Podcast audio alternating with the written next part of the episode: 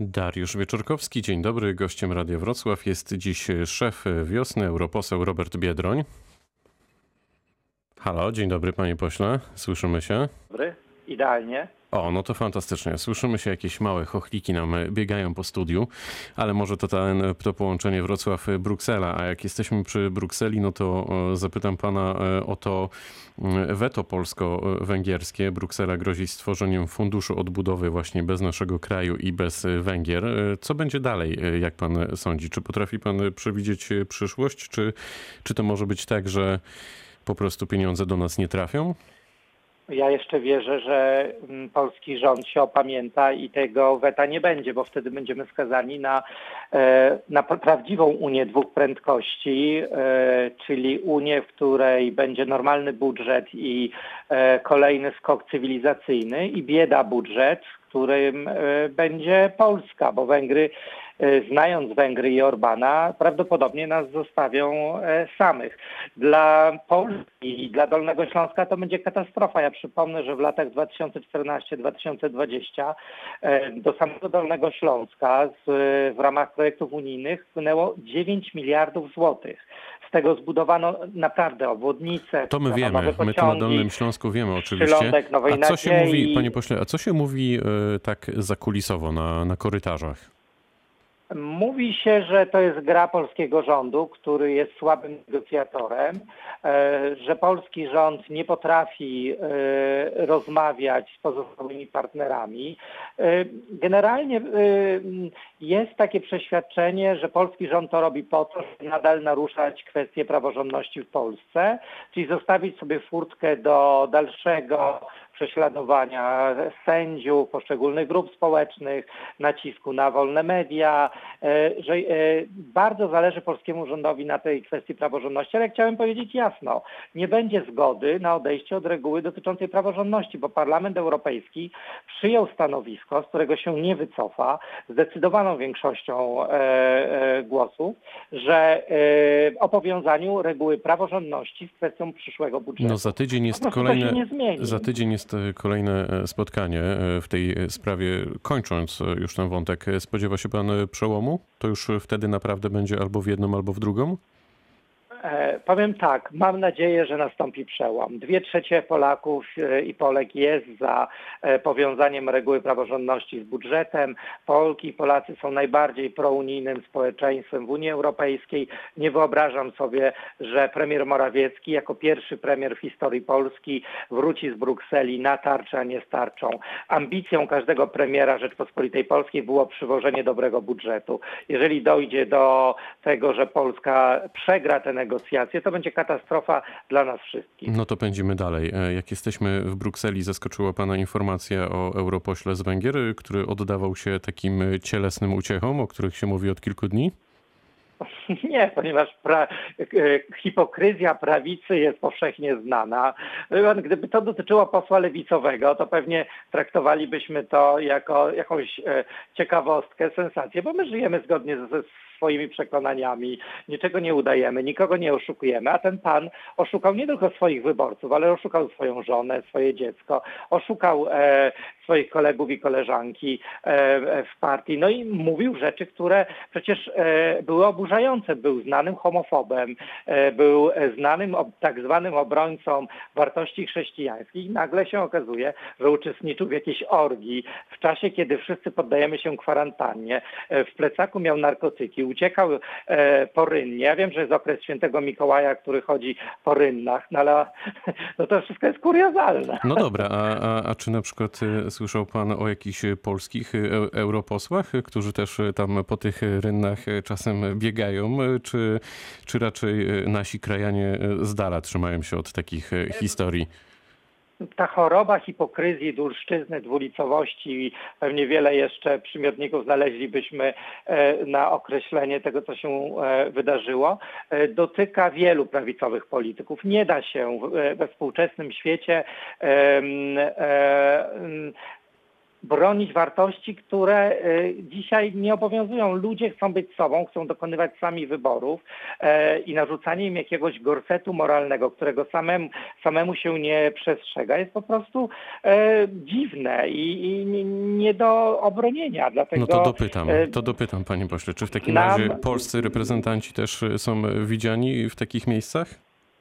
Znam wielu, którzy korzystają z takich przybytków, a później wracają do swoich żon, e, do swoich wyborców, próbują nas moralizować, mówią, że są e, e, najczyści z czystszych, a okazuje się, że chyba nie do końca tak jest i dlatego... I rozumiem, że mówi pan o europosłach z Polski.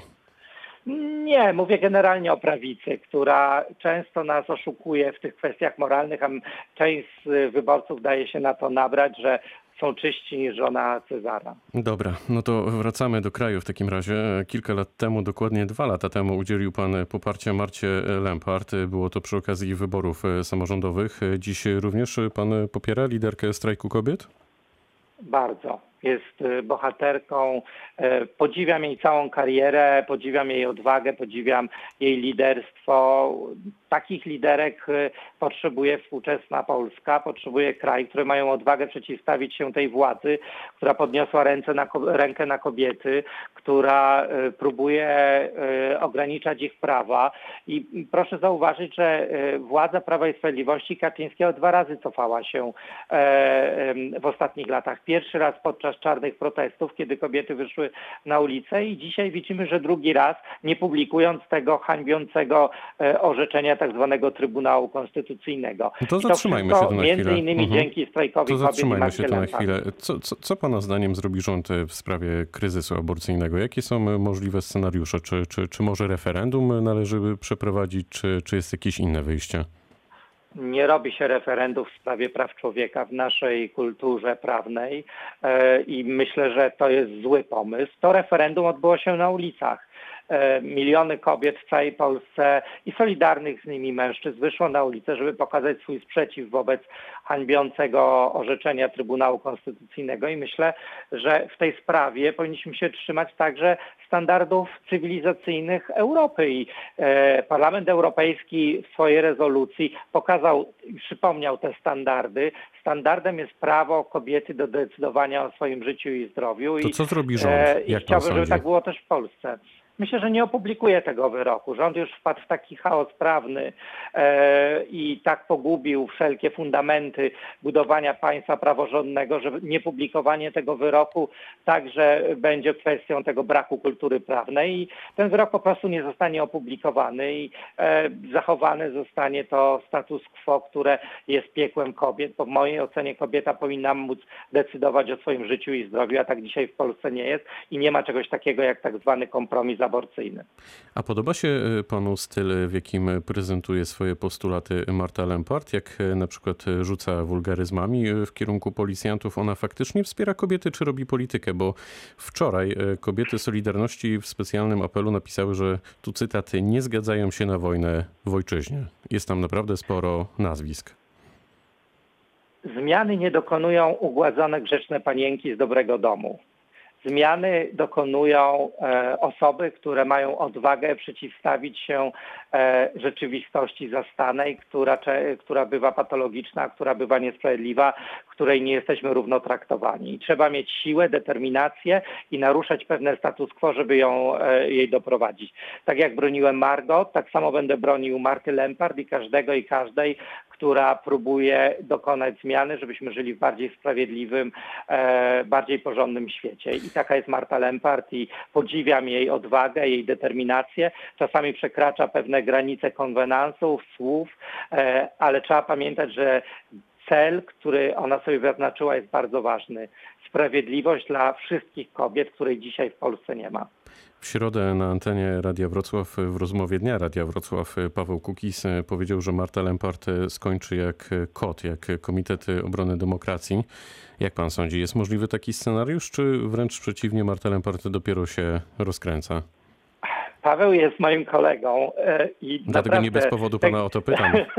tego, tego typu uwagi kto jak skończy chyba nie są najlepsze w tym przypadku i w przypadku Pawła. E, Myślę, że on także powinien kibicować Marcie Lempart, bo walczy e, o prawa jego córki czy córek i żony, e, pewnie koleżanek i przyjaciółek i każdy porządny mężczyzna powinien dzisiaj trzymać kciuki za strajk kobiet i za to, żeby kobiety mogły decydować i same wybierać.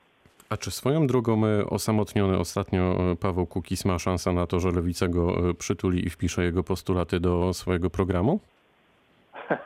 E, Paweł Kukiz, Kukiz e, chyba wybiera swoją własną indywidualną drogę, tak mi się wydaje. Oczywiście ciekawe jest to, że on dużo mówi o tej obywatelskości, tylko e, mam takie wrażenie, że coraz częściej przykleja się do tych zastanych partii politycznych, przeciwko którym e, wojował i nie wiem, no ja, ja bardzo lubię Pawła Kukiza, więc nie powiem nic złego na jego temat i będę kibicował. No, ja też wywodzę się z organizacji pozarządowych, ze społeczeństwa obywatelskiego i wiem, jak bardzo brakuje e, w społeczeństwie obywatelskim tego, tych mechanizmów partycypacji, współdecydowania i jeżeli Paweł Kukiz wywalczy odrobinę chociaż e, e, tej partycypacji, no to trzeba trzymać kciuki za, za to. Szef wiosny, europoseł Robert Biedroń w rozmowie Dnia Radia Wrocław. Bardzo dziękuję za spotkanie. Dziękuję, wszystkiego dobrego. Pytał Dariusz Wieczorkowski. Dobrego dnia.